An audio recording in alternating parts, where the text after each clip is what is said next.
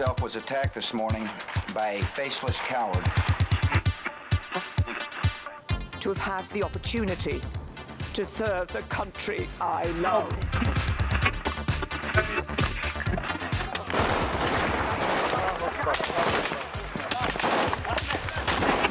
Den Einsatz für Frieden und Freiheit in Deutschland, in Europa und in der Welt.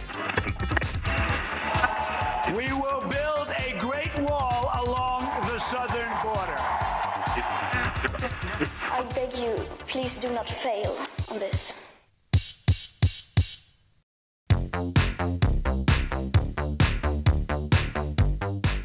Góðan dag kæru hlustundur, þeir eru að hlusta á sérstaka sumar útgáfu heimskveða. Ég heiti Guðmundur Björn Þorbjörnsson. Og ég heiti Birta Björnsdóttir. Í þættinum ætlum við að rifja upp eftirminnilega sögur sem gerðust ekki á Íslandi í veitur.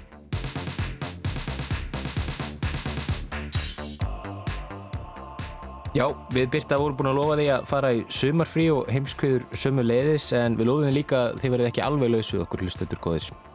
Nei, við ætlum að bjóða upp á svona svo kallega þema þætti. Við ætlum að, sérst, við erum búin að týna til pistla úr heimskveðum vetrarins sem að, já, eru ímsum áttum og svona að okkar mati þóla alveg endurflutning. Einmitt, næstu átta þættir eh, verða þessir svo kallu þema þættir, eh, sumar þættir heimskveðina og hér fl pistla frá því í vetur og þema þessa fyrsta þáttar er einfalt, það eru konur. Já, þessar konur sem er fjallaðir með þessum þætti, þær rötuði fréttir fyrir mjög ólíka hluti. Og við ætlum að byrja á konu sem hefur verið í mikið í fjölmiðlum, bæði fyrir mjög góða hluti og svo, já, ekki eins góða, Guðmundur, þú fjallaðir um Aung San Suu Kyi í vetur. Jú, e, mikið rétt. E, þessi fyrrum friðarveluna hafi Nobels og eiginlegur leiðtói Myanmar e, var borin þungum sögum í vetur. Það hefði já, talist með ólíkindum að hún stæði í réttarsal alþjóðadómstólsins í hag til að bera hönd yfir höfu sér og hernum í Myanmar sem lágendur ásökunum um þjóðarmorð og þjóðernis hreinsanir. Thank you, Mr. President and members of the court. It is an honor to appear as agent of the Union of the Republic of Myanmar in these proceedings in my capacity as Union Minister for Foreign Affairs. Fyrir ekki svo löngu hefði það talist með ólíkindum að sjálf Aung San Suu Kyi stæði í réttarsal alþjóðadómstólsins í hag til að bera hönd yfir höfuð sér og hernum í Myanmar sem liggur nú undir ásökunum um þjóðarmorð og þjóðverðnis hreinsanir. En svo er raunin. Þessi fyrrum fríðarverluna hafi Nobels og einlegur liðtögi Myanmar er nú borin þungum sökum. Þetta ljómar kannski fjärstaðikent en er enguða síður satt. Hún er komin til Hollands til að verja sig og þjóð sína. Stjórnvöldi í Gambíu reka málið fyrir alþjóðadómstólum í hag fyrir hönd samtaka Íslamskara ríkja og í sé og ásaka þau stjórnvöldi í Myanmar og mjanmarska herinn um þjóðarmorð og þjóðernis hreinsanir á róhingjum, íslemskum minnihlutahópi í Rakhín héræði í vesturluta landsins skamt frá landamærunum að Bangladesh. Gambísk stjórnvöld óska eftir því að alþjóðadómstólinn samþykki tímabundnar aðgerðir sem tryggja öryggi róhingja í Myanmar en það geti tekið ár og daga þar til nokkur úrskurður fellur um hvort þjóðarmorð hafi verið framið eða ekki og þarna stendur hún Aung San Suu Kyi, bóðberi friðar, sáttaumleitana og mannreittinda. Eða er það Aung San Suu Kyi, leiðtögi þjóðar sem stundar skipulaða útrýmingu fólks sem ekki nýtur sömu réttinda og aðrir íbúar landsins.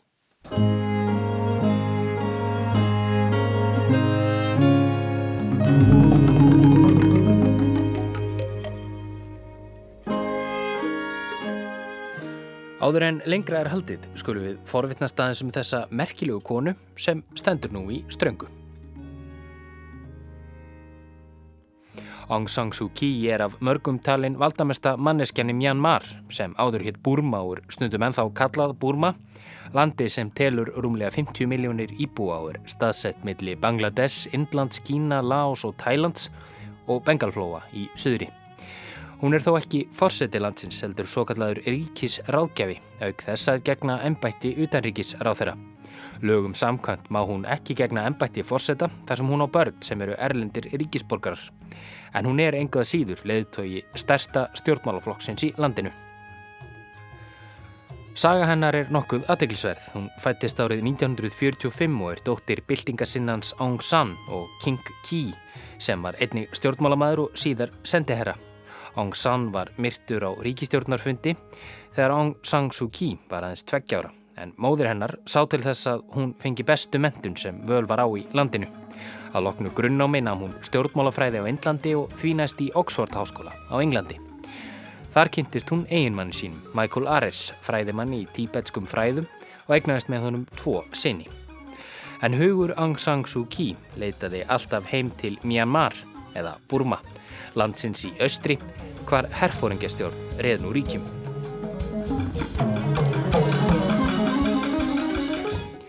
Árið 1962 rændi herin í landinu völdum undir stjórn hersöðingjans Nevin. Vín var fórseti landsins allt til ásins 1981 og fram til ásins 1988 var hann nokkurs konar einræðisera í því sem þá hétt Sósélíska Burma. Og það var einmitt árið 1988 sem Aung San Suu Kyi fór að láta sér kveða í landinu. Hún hafi snúið aftur heim frá Breitlandi til að hugsa um aldraða móður sína. En á sama tíma hefðu mótmæli Mjánmar fæst í aukana þar sem herfóringastjórn Nevín var harðlega mótmælt á götum úti. Síðarum sömarið ávarpaði Aung San Suu Kyi meir en halva miljón manna sem sapnastöðu saman í miðri höfuborginni Yangon sem kröfðist þess að herfóringastjórnin legði upp laupana. Hún kvatti fólk til þess að beita ekki ofbeldi, innblásin af fríðarbóðskap Mahatma Gandhis og stopnaði stjórnmálaflokkin NLD eða líðræðislegu þjóðardeldina. En baráttan við herfóringjastjórnina gekk ítla og þótt nýja vinn hafi vikið tóku aðrir herfóringjar við. Svo stjórn bóðaði til kostninga sem NLD segraði öruglega en herfóringjastjórnin virti niðurstöður kostningana að vettu í. Segja má að Myanmar hafi farið úr öskunni í eldin. Herin helt völdum í landinu og var Aung San Suu Kyi sett í stofufangilsi.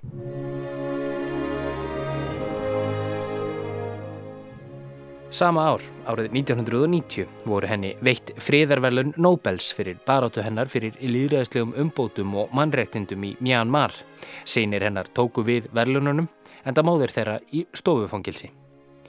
Herfóringjastjórnin tók þó skýrt fram að hún gæti yfirgefið landið en aðeins undir þeim skilmálum að hún mætti aldrei snúa tilbaka. Það bóð þáði hún ekki og til að gera langasögu stutta var Aung San Suu Kyi í stofufangilsi í 15 ár á 21 árs tímabili. Allan þann tíma talaði hún fyrir friðsamlegum aðgerðum og fordæmdi hverskins ofbeldi. Alþjóðarsamfélagið fordæmdi nauðungarvistun hennar og setti þrýsting á stjórnvöld að sleppa henni lauseri. Það hafiðist loks árið 2010 og Aung San Suu Kyi var frjáls ferðasinna. Í kjölfarið var viðskiptabanni aflétt og Myanmar tók við sér á alþjóða vettvangi. Árið 2012 var hún kosin á Þing og árið 2015 vann NLD flokkur hennar stórsigur í kostningunum. Þar sem hún gætt ekki orðið fórsetisar á þeirra eða fórseti vegna þess að hún átti börn með útlendingi, eitthvað sem herrfóringastjórnin hafði sett inn í stjórnarskrana til að koma í veg fyrir, einmitt það að hún gæti einn daginn tekið við völdum, var hún gerð af sérstökum ríkisráðgjafa.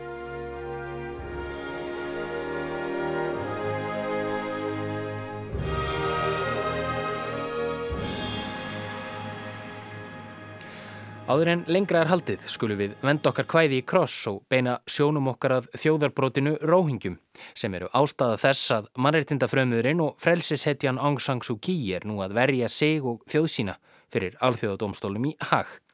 Hverjir eru róhingjar? Þetta eru svona 1,2-1,3 miljónir manna sem hafa búið þarna tölvert lengi í rakinýraði Þetta er Ingólur Bjarni Sigfússon, frettamæður og einn umsjónarmanna frettaskýringa þáttsins Kveiks sem síndur er á Rúf. Ingólur fór til borgarinnar Cox Bazar sem liggur næst landamærunum að Myanmar frá Bangladesh. Rakhín hérað sem Ingólur nefnir er í vesturhluta Myanmar.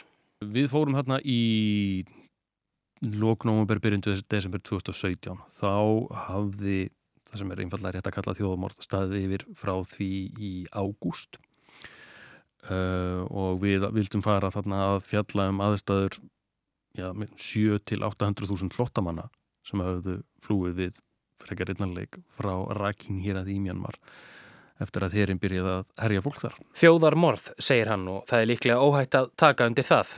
Róhingjar eiga sér langa og merkilega sögu sem nær langt aftur í aldir.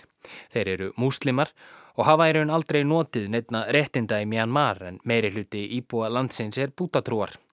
Stjórnvöldi Myanmar segja þá Bengali sem eiga enga kröfu eða tilkall til réttinda á þessu svæði. Þeir njóta engra borgarlega réttinda, eru ekki mjánmarskir ríkisborgarar, hafa ekki kostningarétt og búa við takmarkað ferðafrelsi, meira að segja innan landsins. Síðla árs 2016 hófu mjánmarski herin og lauruglulegað herja og róhingja í Rakinheraði. Herin þótti ganga harkalega fram og frásagnir hermað hermenn hafi stundað aftökur, skipulaðar, nöðganir og frekari hryllinga og róhingjum. Það er svo í ágúst 2017 sem blóðu átök brutust út milli uppreysnarhópa á röðum róhingja og hersins. Uppreysnarmönnum er gefið að söka að hafa ráðist að tugum landamærastöða. Það áttu eftir að hafa í för með sér alvarlegar afleðingar. Það sem að gerist er að herin rúlar hann með miklum látum uh, og brennir þorp, myrðir fólk, tekur hún bara karla og, og virðist það bara í stónu stíl uh, bara tekið á lífi hendi í fjöldagrafir, nöðguðu konum það eru sögur, ótrúlega margar sögur af því að þeir hefa tekið bara börn og hendum lifandi á eld. Þetta kann að hljóma ótrúlega en frásagnir fólk spera allar að sama brunni. Uppreysnar menn máttu síns lítils og var öll mótspyrna barinn niður. Gunshots pepper the air at the border between Myanmar and Bangladesh. Witnesses say it's the sound of Rohingya civilians being fired upon by Myanmar's military. Stjórnvöld í Myanmar kenna uppreysnarmönnum hins vegar um. Súfullering þykir nokkuð ótrúleg. Hvort sem það eru þeir fjölmjöla sem þó hafa komist að neins sem er ekki margir eða uh, alþjóðastofnari sem hafa með ímsum hætti komið fólki þannig að rannsaka eða þeir sem hafa tekið vitnisspörð flottamannana sjálfa hafa allir komist að sjálfur sömu niðurstu að þetta sé í raun og veru bara ígildi þjóðamórs á þessu þjóðabróti sem að Bangladesar tóku nokkuð vel á móti en vilja nú fara að losna við. Almennt er talað um aðgerðir hersins gegn róhingjum í Rakin hér eða innmitt sem þjóðarmorð. Það er aðgerðir sem hófust í ágúst 2017 af hálfu hersins eru í raun enn í gangi yfir miljón róhingjafa flúið til nágrannaríkja, flestir til Bangladesh en aðrir til Indlands, Thailands, Malasi og annara landa í söður og söðaustur Asju. Tugþúsundir róhingja hafa verið drefnir og hundruð þúsunda beittir ofbeldi. Í ágúst á síðast ári lagði mannréttindar áð saminuð þjóðana til að ákjæra eitt hershauðingja fyrir þjóðarmorð. Nemnd á vegum saminuðu þjóðana sagði í skýslu í september að draga eitt í stjórnvöldi Myanmar til ábyrðar fyrir alþjóðadómstólum og í síðasta mánuði taldi hún hættu á frekari ofsóknum gegn róhingjum.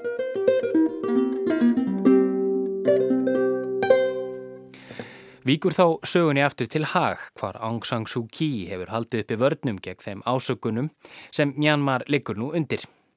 Á miðugudag stíð hún í pontu og hjælt uppi vörnum fyrir herin í Myanmar. Hún saði ásakanirnar villandi og í skötulíki. Herin hefði einungis verið að bregðast við árásum róhingja þótt ekki segt að útiloka að einhverjir hermenn hafi gengið af land og gerst brotlegir við alþjóðleg mannúðarlög. Þá væri kannski ekki alltaf gerður greinarmunur á skærulegðum og almennum borgurum, svona eins og gerist. Ennfremur neytar Aung San Suu Kyi því staðfastlega aðgerðnar í Rakin hér eða eigi nokkuð skilt við þjóðarmorð. Viðbröð hennar eru aðteglisverð en það er hún að verja aðgerðir sama hers og hjælt henni í stofufangilsi í 15 ár og vekur það upp spurningar um hversu miklu stjórnvöldi Yangon ráða í raun og veru í landinu. Það er alvitað að Aung San Suu Kyi er ekki yfirmaður hersins og að herin í Myanmar er sannarlega öflugur og stjórna sér að vissuleiti sjálfur en viðbröð hennar sem leiðtóa landsins þóttu enguð síður sæta fyrðu. Það eru ímsar kenningar um ákverju hún kýsa að mæta fyrir domstólun og svara með þeim hætti sem hún svaraði fyrir brot hersins. Uh, það eru kostningar í Myanmar núna uh, á næsta ári og einhverjar kenningar eru upp um að hún sé að reyna svona að stilla sér upp sem hinn harði uh, verjandi Myanmars og svona tryggja það að, að hún sé sverðu og sköldur þessara þjóðar en ekki hérin um, það kann að vera all politics is local hún var einhver uh, frasi sem vinsall var og, og, og það er ekkit ólglegt að, að, að þetta sé bara innanríkispolítík og valda bara átt af vissan hátt innan Myanmar sem veldi því að hún telli þetta vanlega sless að ná þeim árugrið sem hún er að sækjast eftir. Uh, hún er óneitanlega að tapa mannorðinu sem friðar sinni og, og, og manneski sem berst fyrir mannréttindum með því að í raun og veru samþykja það að þeim eigi slátra fólki og henda börnum og eld.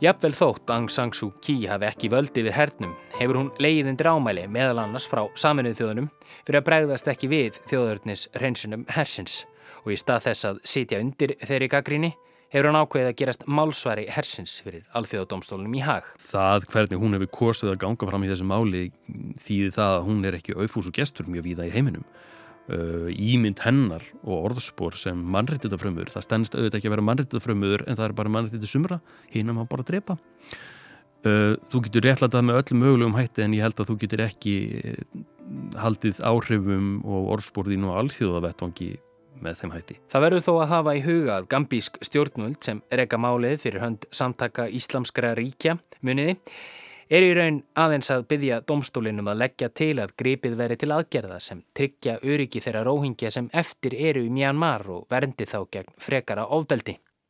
Til þess að domstólinn úrskurði að stjórnvöldi Myanmar hafi gerst sekum þjóðarmorð þarf hann að komast að þeirri niðurstöðu að ríkið hafi viljað útrýma róhingjum. Jafnvel þótt það verði raunin hefur domstólinn engin úrraði til þess að tryggjað slikum úrskurði fylgi afleðingar og korki Aung San Suu Kyi nýja hersæðingjar eru þá sóttir til saka eða réttað yfir þeim þótt að gæti leitt til viðskiptaþingana.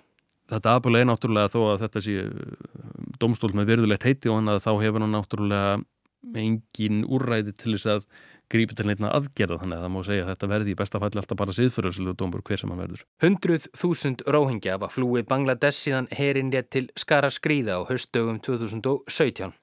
Í september á þessu ári var talið að tæplega 1 miljón róhingja hefðist við í flótamannabúðum í Bangladesh. Í mars á þessu ári sögðu Þarland stjórnvöld, hingaðu ekki lengra, við getum ekki tekið á móti fleiri flótamannum. Stjórnvöldi í Bangladesh segja að það verði að fara að koma þessu fólki í burtu uh, frá uh, svæðinu í kringum Cox's Bazar. Það er náttúrulega gríðarlega, það er engar flottamannabúðir í sögunni að hafa sprottið að prata og orðið að fjölmunari að prata þessar flottamannabúðir og það eru þó að séu frábærar til þess að taka við fólki þegar það kemur yfir og er bara í nauðum þá er þetta náttúrulega ekki eitthvað staður sem að fólk getur dvalið á árum saman. Bangladesh hefur gert áallanir um að koma um 100.000 flótamönnum fyrir á eiginni Basan Chara á Bengalflóa sem hefur mætt misjöfnum viðbröðum alþjóða samfélagsins. Mannúðarsamtök segja þess að ráðagerð þvingaða fólksflutninga. Þá hafa stjórnuldi í Myanmar sagt að róhingjar séu velkomnir heim og þessi búið að ganga frá lausum endum, gera ráðstafanir og tryggja öryggi þeirra.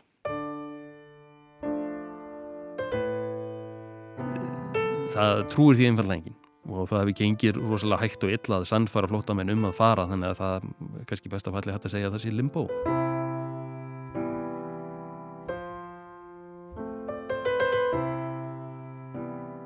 Þá erum hálf miljón róhingja enni Rakín hér aði. Markir þeirra vilja flýja burt enda óttast þeirrum lífsitt. Og í hag í Hollandi segir lögfræðingurinn Philip Sands sem er ekkur málið fyrir hönd gambískra stjórnvalda að Aung San Suu Kyi hafi hundsað ásakanir um fjöldamorð og nöðganir á róhingjum og nöðungar flutninga þeirra. Þagn hennar um þessi atriði sé ærandi. Aung San Suu Kyi tók svo aftur til máls sendi í gerkveldi hvar hún kvatti domstólinn til að vísa málinu frá og virða stjórnarskrá landsins. Að hvaða nýðustuðu dómurinn kemst er ekki ljóst þegar þessi pistill fer í loftið. Það geti tekið mörg ár. En það er ljóst að ásýnd Aung San Suu Kyi verður aldrei söm. Friðar heitjan og baráttu konan fyrir mannreitnindum, konan sem fyrirlítur ofbeldi, kúun og ofsóknir. Horfist ekki í augu við þau voðaverk sem herin í hennar landi fremur á íbúum landsins. Ég held að allavega hugmyndur okkar á Vesturlöndum um hver hún væri og fyrir hvaðan stæði uh, reykist aldrei harkalega á einhvern raunveruleika sem er annar.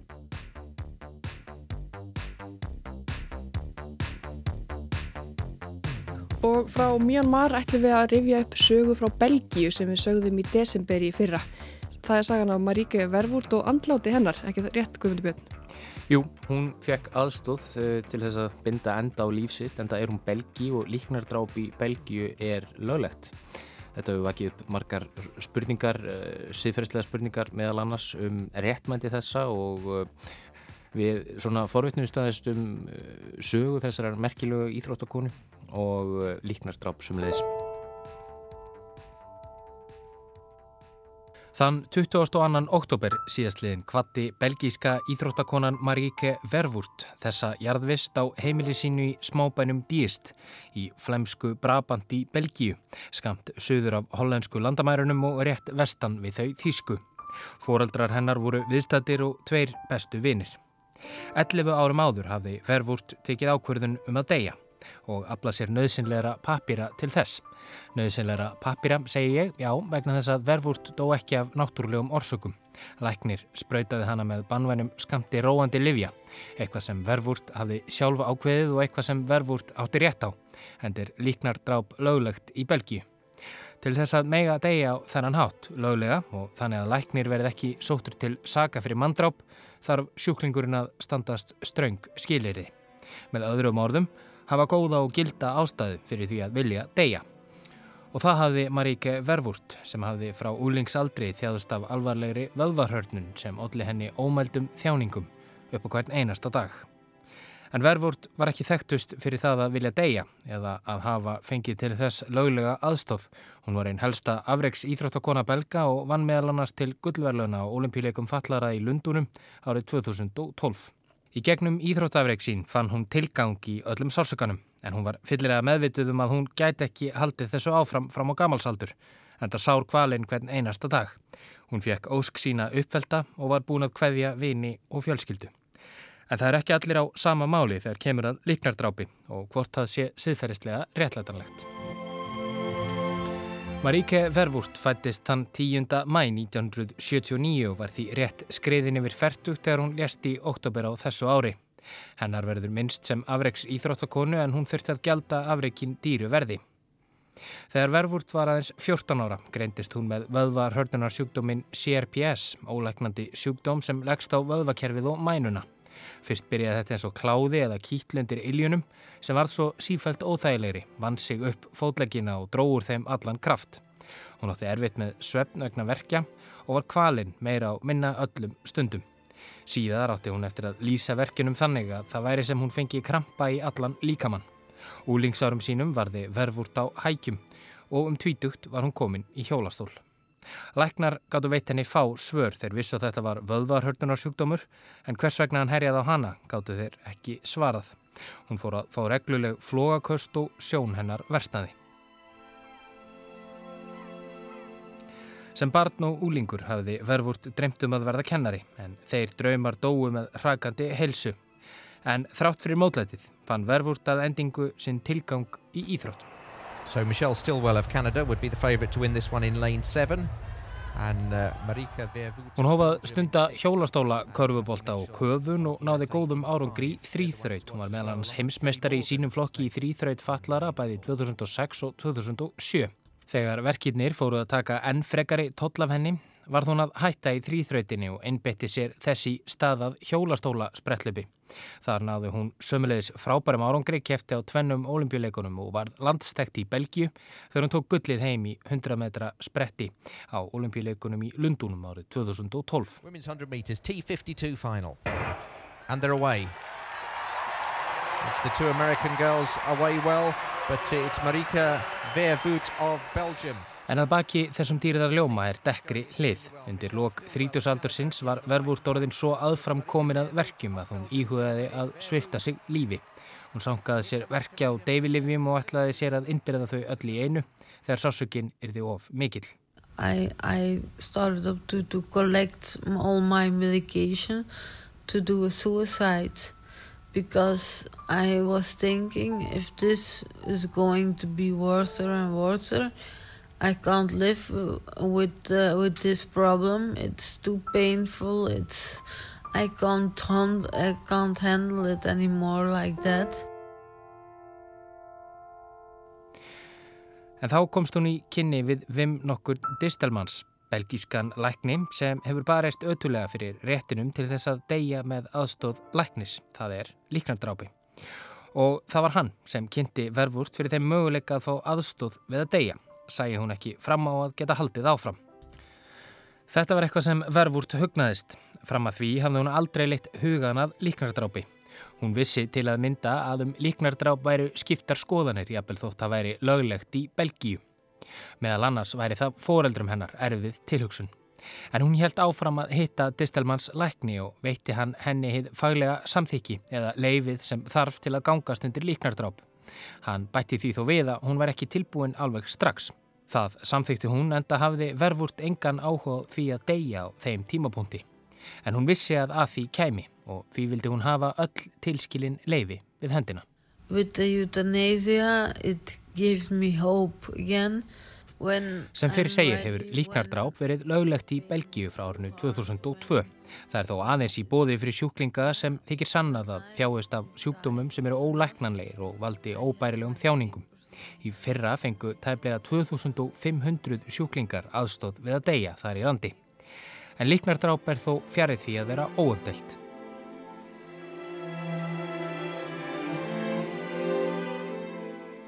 Orðið efthanasia merkir á grísku einfallega góður döðdægi að deyja vel. Euthanasia er einmitt orðið sem flest tungumál nota þegar talað er um líknardráp.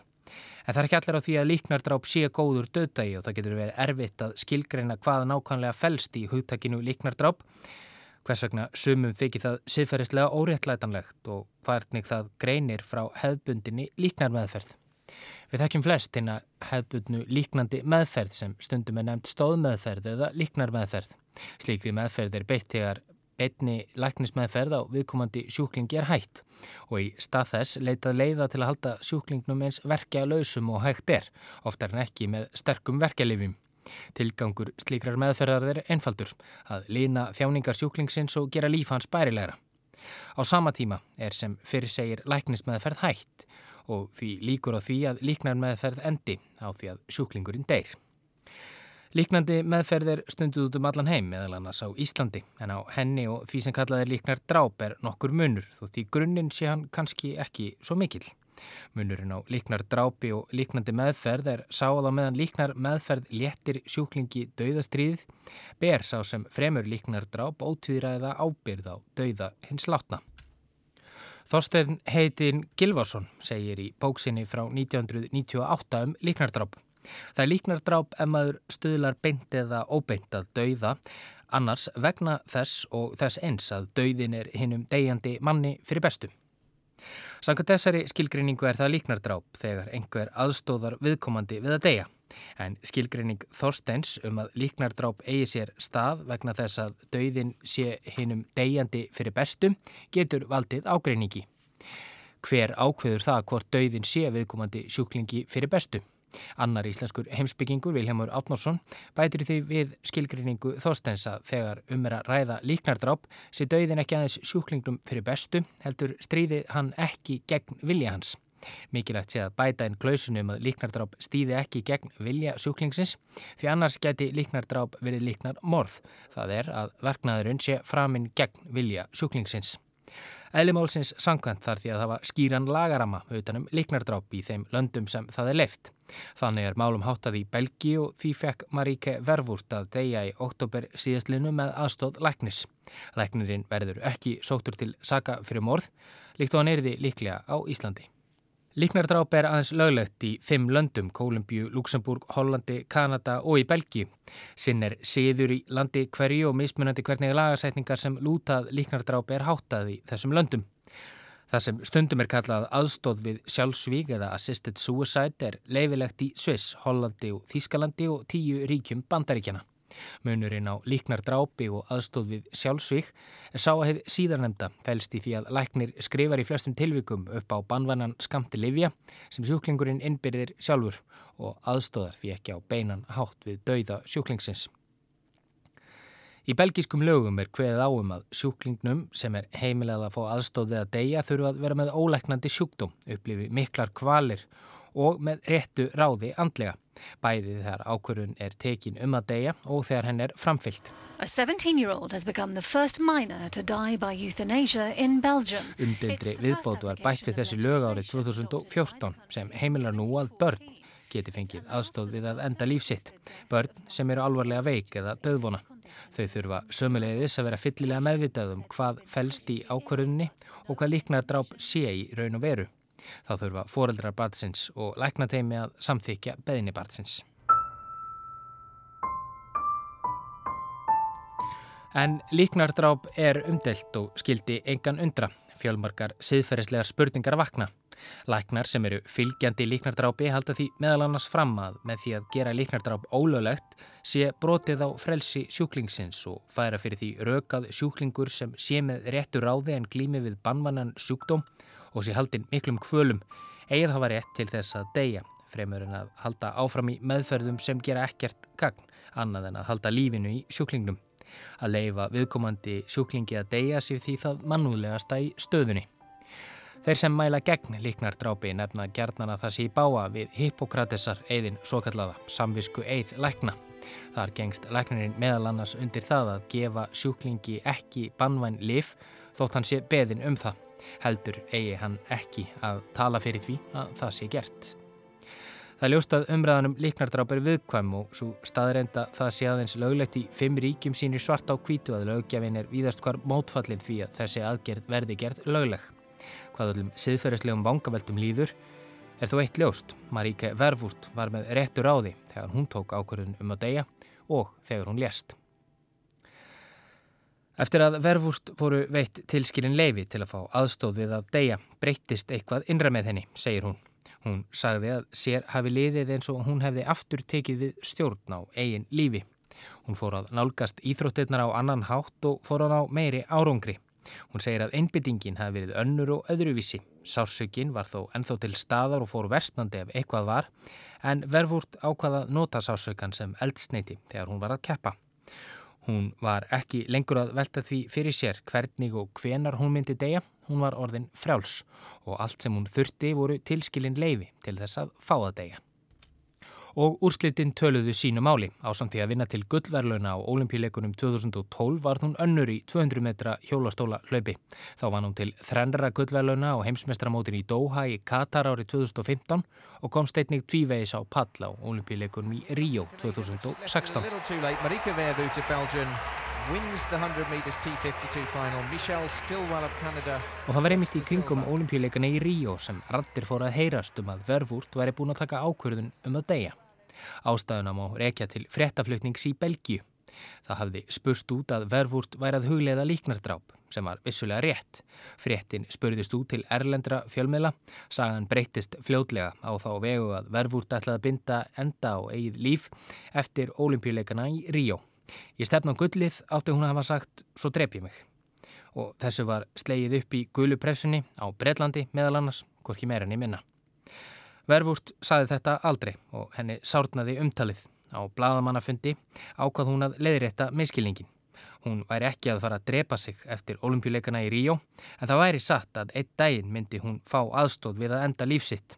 Súvitneskja hjálpaði henni gegnum sársaukan og þunglindið. First of all, Um, I think there is a great mistake about uh, what press told in Belgium. They used the title that I quit after Rio, and right after Rio, the Paralympic Games, that I go over to euthanasia. And this is totally out of the question. Yes, this is my last Paralympic Games. Fleiri lönd ættu að gera líknardráp löglegt, sagði hún ennfremur. Ég vil ekki þurfa þjást í dauðastrið mínu, ég vil fara á friðsaman hátt með fólkið mitt í kringum mig, fólkið sem ég elska. Í grein Andrew Key, bladamanns á New York Times, fellar hann um samskipti sín við verfúrt en hann fylgdi henni eftir síðustu mánuði lífsennar. Eftir að Vervúrt lagði skóna á hilluna breytist áhugi fólks á henni og hann sá hvernig Vervúrt fór sjálfa að taka breytingum bæði andlega og líkamlega. Stundum var hún káti bræði og orkumikil en með tímanum fór hún að verða þjáðari af verkjum og því fylgdi þunglindi.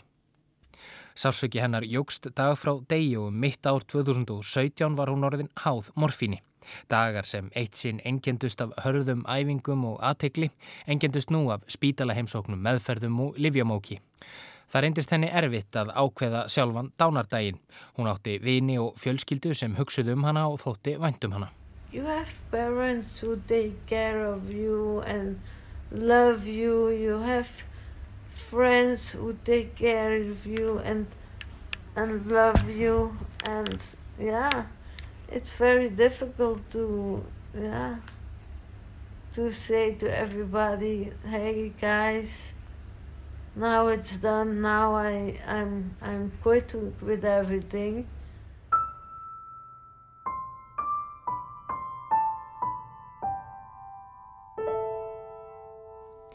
Þegar Líða tók á höstið var hún orðin óþólumóð og fann að tíminn var komin. Með nokkuð stuttum fyrirvara bauð hún vinum og fjölskyldu í kveðjubóði íbúð hennar í Djest einn laugardag í oktober. Hún hafi tekið ákverðunum að deyja þremur dögum síðar á þriði deginum. Týjir manna voru samankomnir í íbúðinni og kvatti hún hvern og einn. Að bóðinu loknu bað hún um að fá að fara aftur á spítalan. Tilfinningarnar væri að bera hana ofurliði. Þremur dögum síðar kerðu foreldrar hennar hana aftur heim í þetta skipti til að deyja. Þau komu við í apoteki til að ná í tilskilin lif sem aðeins fjölskyldan sjálf getur keft. Þegar Distelmanns læknir kom var hún að drekka kampavín og borða maltisesskúlur. Viltu halda áfram? spurði hann áður en hann spröytaði hana. Já, sagði hún, það vil ég. Maríka Vervurt lest hann 22. oktober. Aðeins foreldrar hennar og tveir bestu vinir voru viðstættir.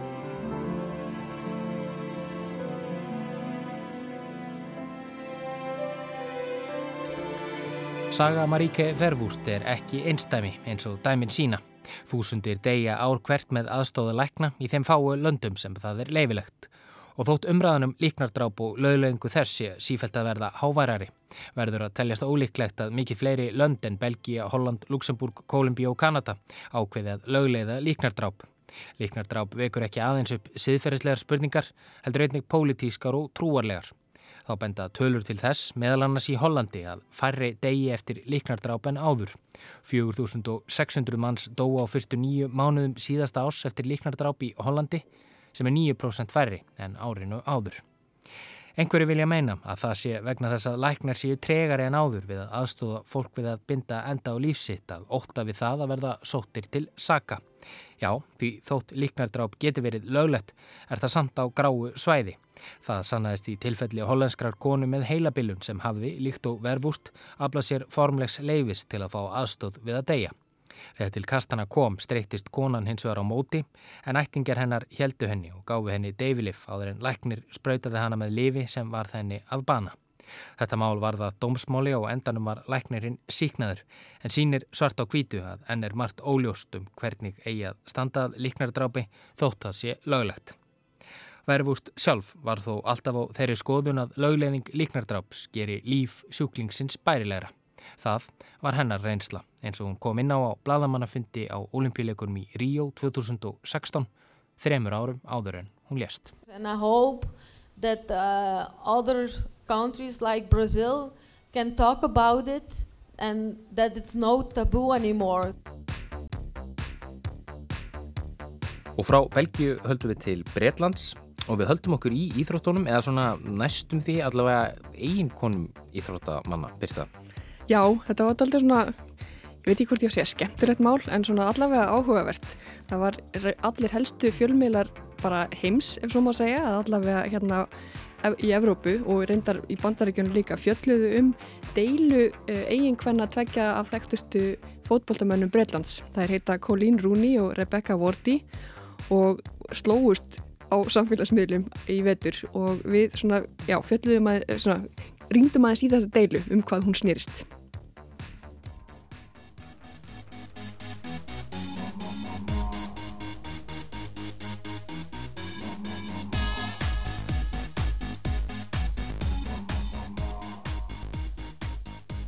Einu sinni voru vinkonur. Önnur var vissum að hinn væri að kæfta frá ímsu sem átti bara að vera á milli þeirra. Henni varst það svo ógislega leðilegt að hún ákvaða að klaga vinkonuna. Vinkonan segist alls ekki hafa kæfta frá neinu og fyrst ekki að leiðir þetta þessi og hættur að vera vinkonur út af þessu.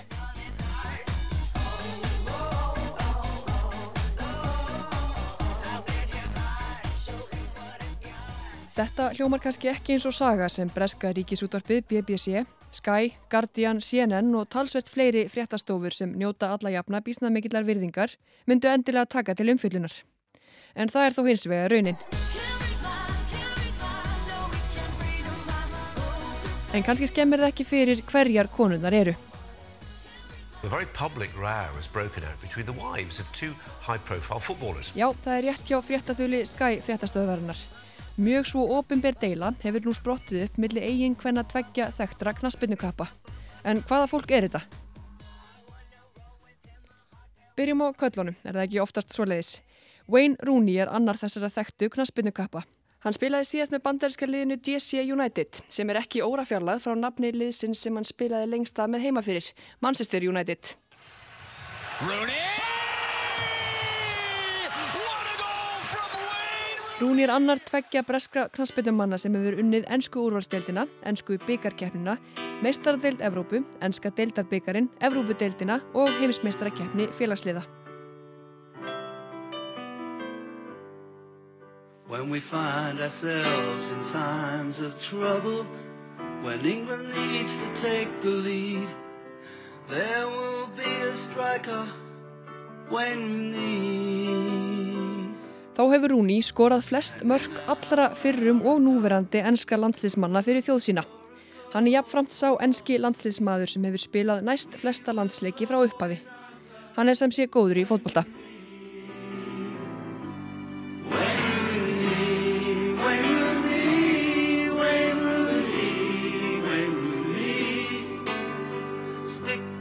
Í gagfræðaskóla kynntist Wayne stúlku að nafni Colleen McLaughlin. Þau gifti sig árið 2008 og síðan hafa Rúni hjónin eignast fjóra sinni. Colleen hefur meðal annars starfað sem pislahöfundur og sjómaskona. Hún hefur gefið út bækur, meðal annars æfisögu sína þegar hún var 21 árs, en einnig bækur um tísku. Þá hefur hún leikið í auðlýsingum og gefið út líkamsræktarprogram.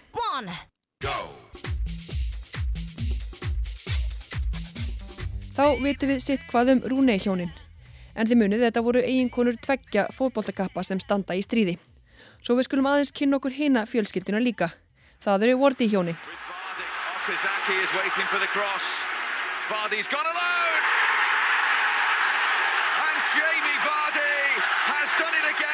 Jamie Wardi er framherri í Leicester City og spilaði með ennska landsliðinu frá 2015 til 2018.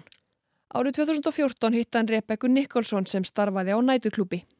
Þau gifti sig tveimur árum síðar og síðan þá hefur Rebekka Vorti meðal annars tekið þátt í raunveruleika þættinum I'm a Celebrity, Get Me Out of Here. I'm Rebecca Vardy, married to England footballer Jamie Vardy.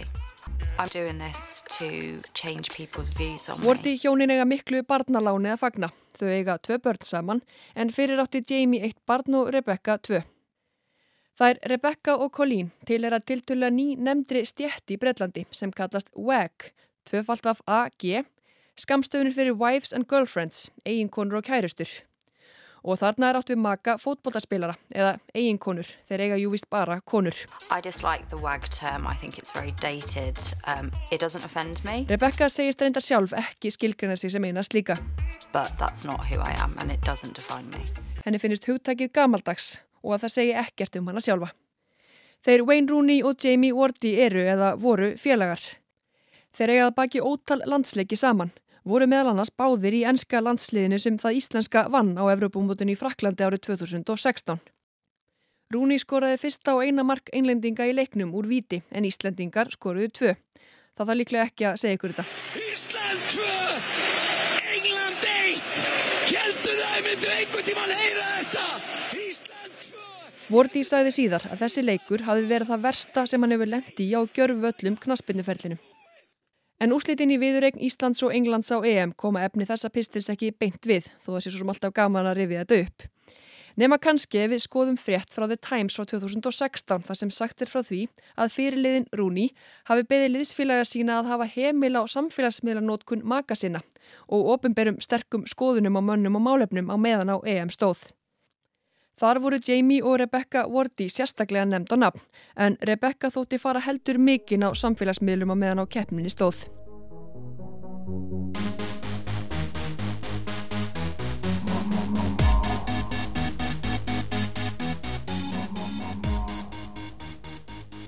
En nú um það.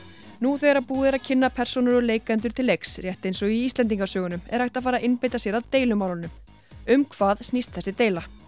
Við skulum leifa þularpari Skye að halda áfram að teima okkur í gegnum söguna.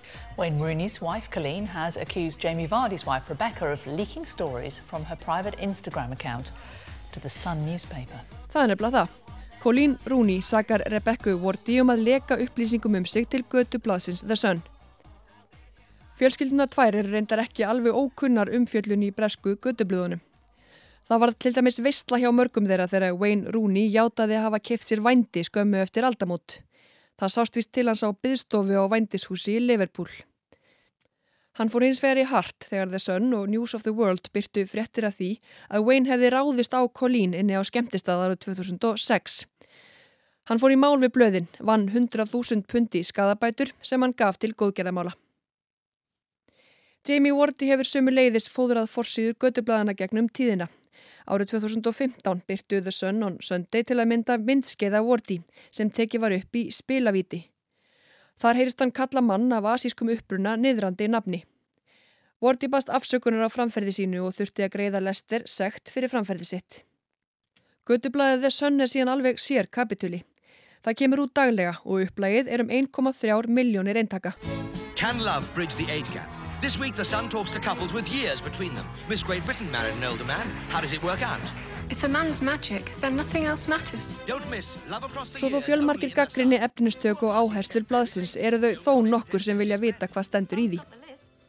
Við skoðun á fréttasíðinu þeirra sér maður hvernig frásagnar af lífi og starfi Colleen Rooney passa vel á milli frétta og borð við að eigin kona mannsinn sem leik einhverju sinni tassan hafi verið stungin til bana af sinni þeirra. Og frásögn konunar sem varð ástfangin af sömu konunni og eigin maðurinnar. Nú eru þau öll þrjú saman. Málaferli og hörðgagrinni hefur verið samofinn sögu The Sun. Þó nokkri blaðasalar bjóða ekki enn upp á blaðið í hillum sínum eftir umfjöllun blaðsins í kjölfarslissins á Hillsborough leikfanginum í Sheffield árið 1989. 96 létust og á 800 slösuðust í stúku stuðningsmanna Liverpool þennan dag en The Sun byrtu frásagnir af skrílslátum stuðningsmanna Liverpool. Að þeir hefðu pissað á laurugluna og stólið úr vösum þeirra sem tróðust undir í slísinu. Frásagnirnar voru undir fyrirsögninni Sannleikurinn. Á því báðust The Sun síðar afsökunar. Current editor Dominic Mohan made this apology on the Sun's website. 23 years ago, the Sun newspaper made a terrible mistake. We published an inaccurate and offensive story about the events at Hillsborough. We said it was the truth. En undanfæri misseri hafa sem sagt byrst fréttir í Sun af ymsu sem á daga Colleen Rooney hefur drifið. Margt sem hún hefur engungu deilt með fámennum hópi vina sinna. En af hverju var Colleen svona vissum að það væri Rebecca sem bæri ábyrða því að allir og amma þeirra, eða allavega allir og amma þeirra sem að lesa Sun, vissu allt um ferðalöginnar, framtíðar áform og húsnæðisvandraði.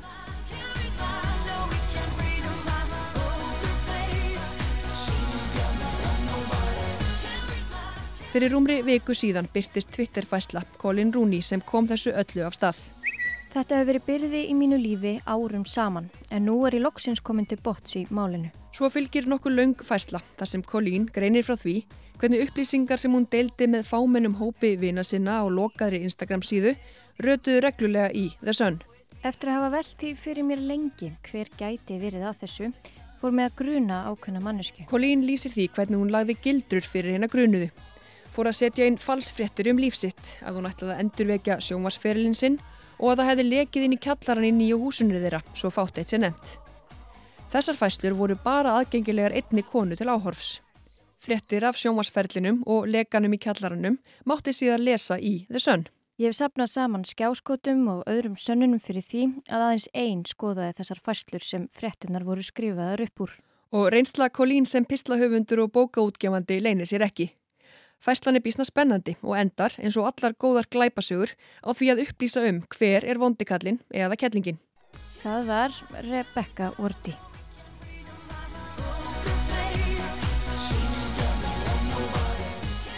Twitterfæslan vakti mikla aðtegli svo ekki sé fastar að orði kveðið. Nú hafa fleiri en 300.000 smelt á hjarta eða like við fæsluna. Svona cirka jafn margir og gjörföll íslenska þjóðin. En hvernig brást Rebecca við ásökununu?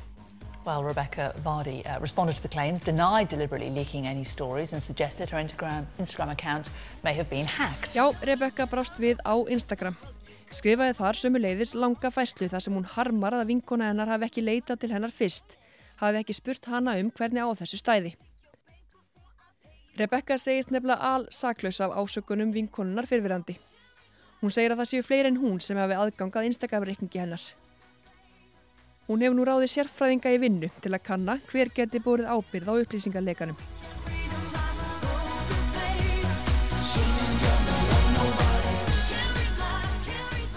Hér verður svo ekkert endilega farið í sauman á hver hefur sagt hvað síðan og hver er í liði með hverjum, en það er af nógu að taka. Breskir miðlar fylgjast með hverju fótspori í lífi hjónuna tveggja, ekki kannski síst rafrænum fótsporum. Þannig mun Jamie Wardy vera hættur að fylgja Wayne Rooney á öllum samfélagsmiðlum, segja þau sem til þekkja. Þannig að þetta er þessi deila í svona grófum dráttum. Og eins og fyrr segir þá hafa margir að virðulegustu fjölmiðlum Vesturlanda fjallaðum ósættið, þó margir hafa reyndar gert það á heldur gamansum um nótum.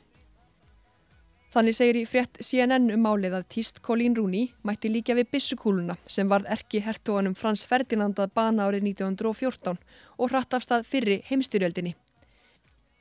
Styrjöldin nú á 21. öldinni væri þá ekki kölluð World War I upp á enska tungu, heldur Wag War I. Ég læti ykkur um að reyna að snara þessu yfir á íslensku. Netflix týstu sömu leiðis að þau þyrtu líklega að ráðast í gerð heimildamindar um málið. En þegar það er verið að ráðast inn í lönd, þegar að hamfara hlínun vofir yfir jörðinni og eitt þriðji barna í heiminum býr við vannæringu, af hverju er það yfir höfuð umfyllunarefni að einhverjum konum út í heimi sinnist? Við því er kannski ekkert eitt gott svar. Kannski eru breytar einfallega svo áfjáður í að tala um eitthvað annað en Brexit. Let's get Brexit done on October the 31st. Let's get it done. Kannski er það fjölumila umfyllunin og vinsældir hennar, muniði 1,3 miljónir eintaka af The Sun dag hvern sem stýrir því að mörgum finnst að koma sér við hvað drýfur á daga þessa ágæta fólks sem fæst okkar hafa hitt. Og mörg þeirra hafa sér fátt til fræðarunnið nema að eigast maka sem spila fótbolta.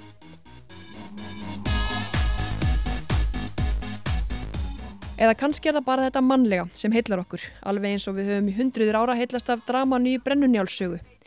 Eiginkonunnar sem elda grátt silfur saman þrátt fyrir vinnfengi eiginmannuna og beita þá ímist þrælum eða samfélagsmiðlum í deilu sinni. Þá er það bara spurningin hvor þeirra er Hallgerður Langbrók. Colleen sem leggur gildur til að koma upp um svíksemi vinkonu sinnar eða Rebecca sem lag eða lag ekki upplýsingum um vinkonu sína til gödublada til að kjamsa á. Hvað veist ykkur?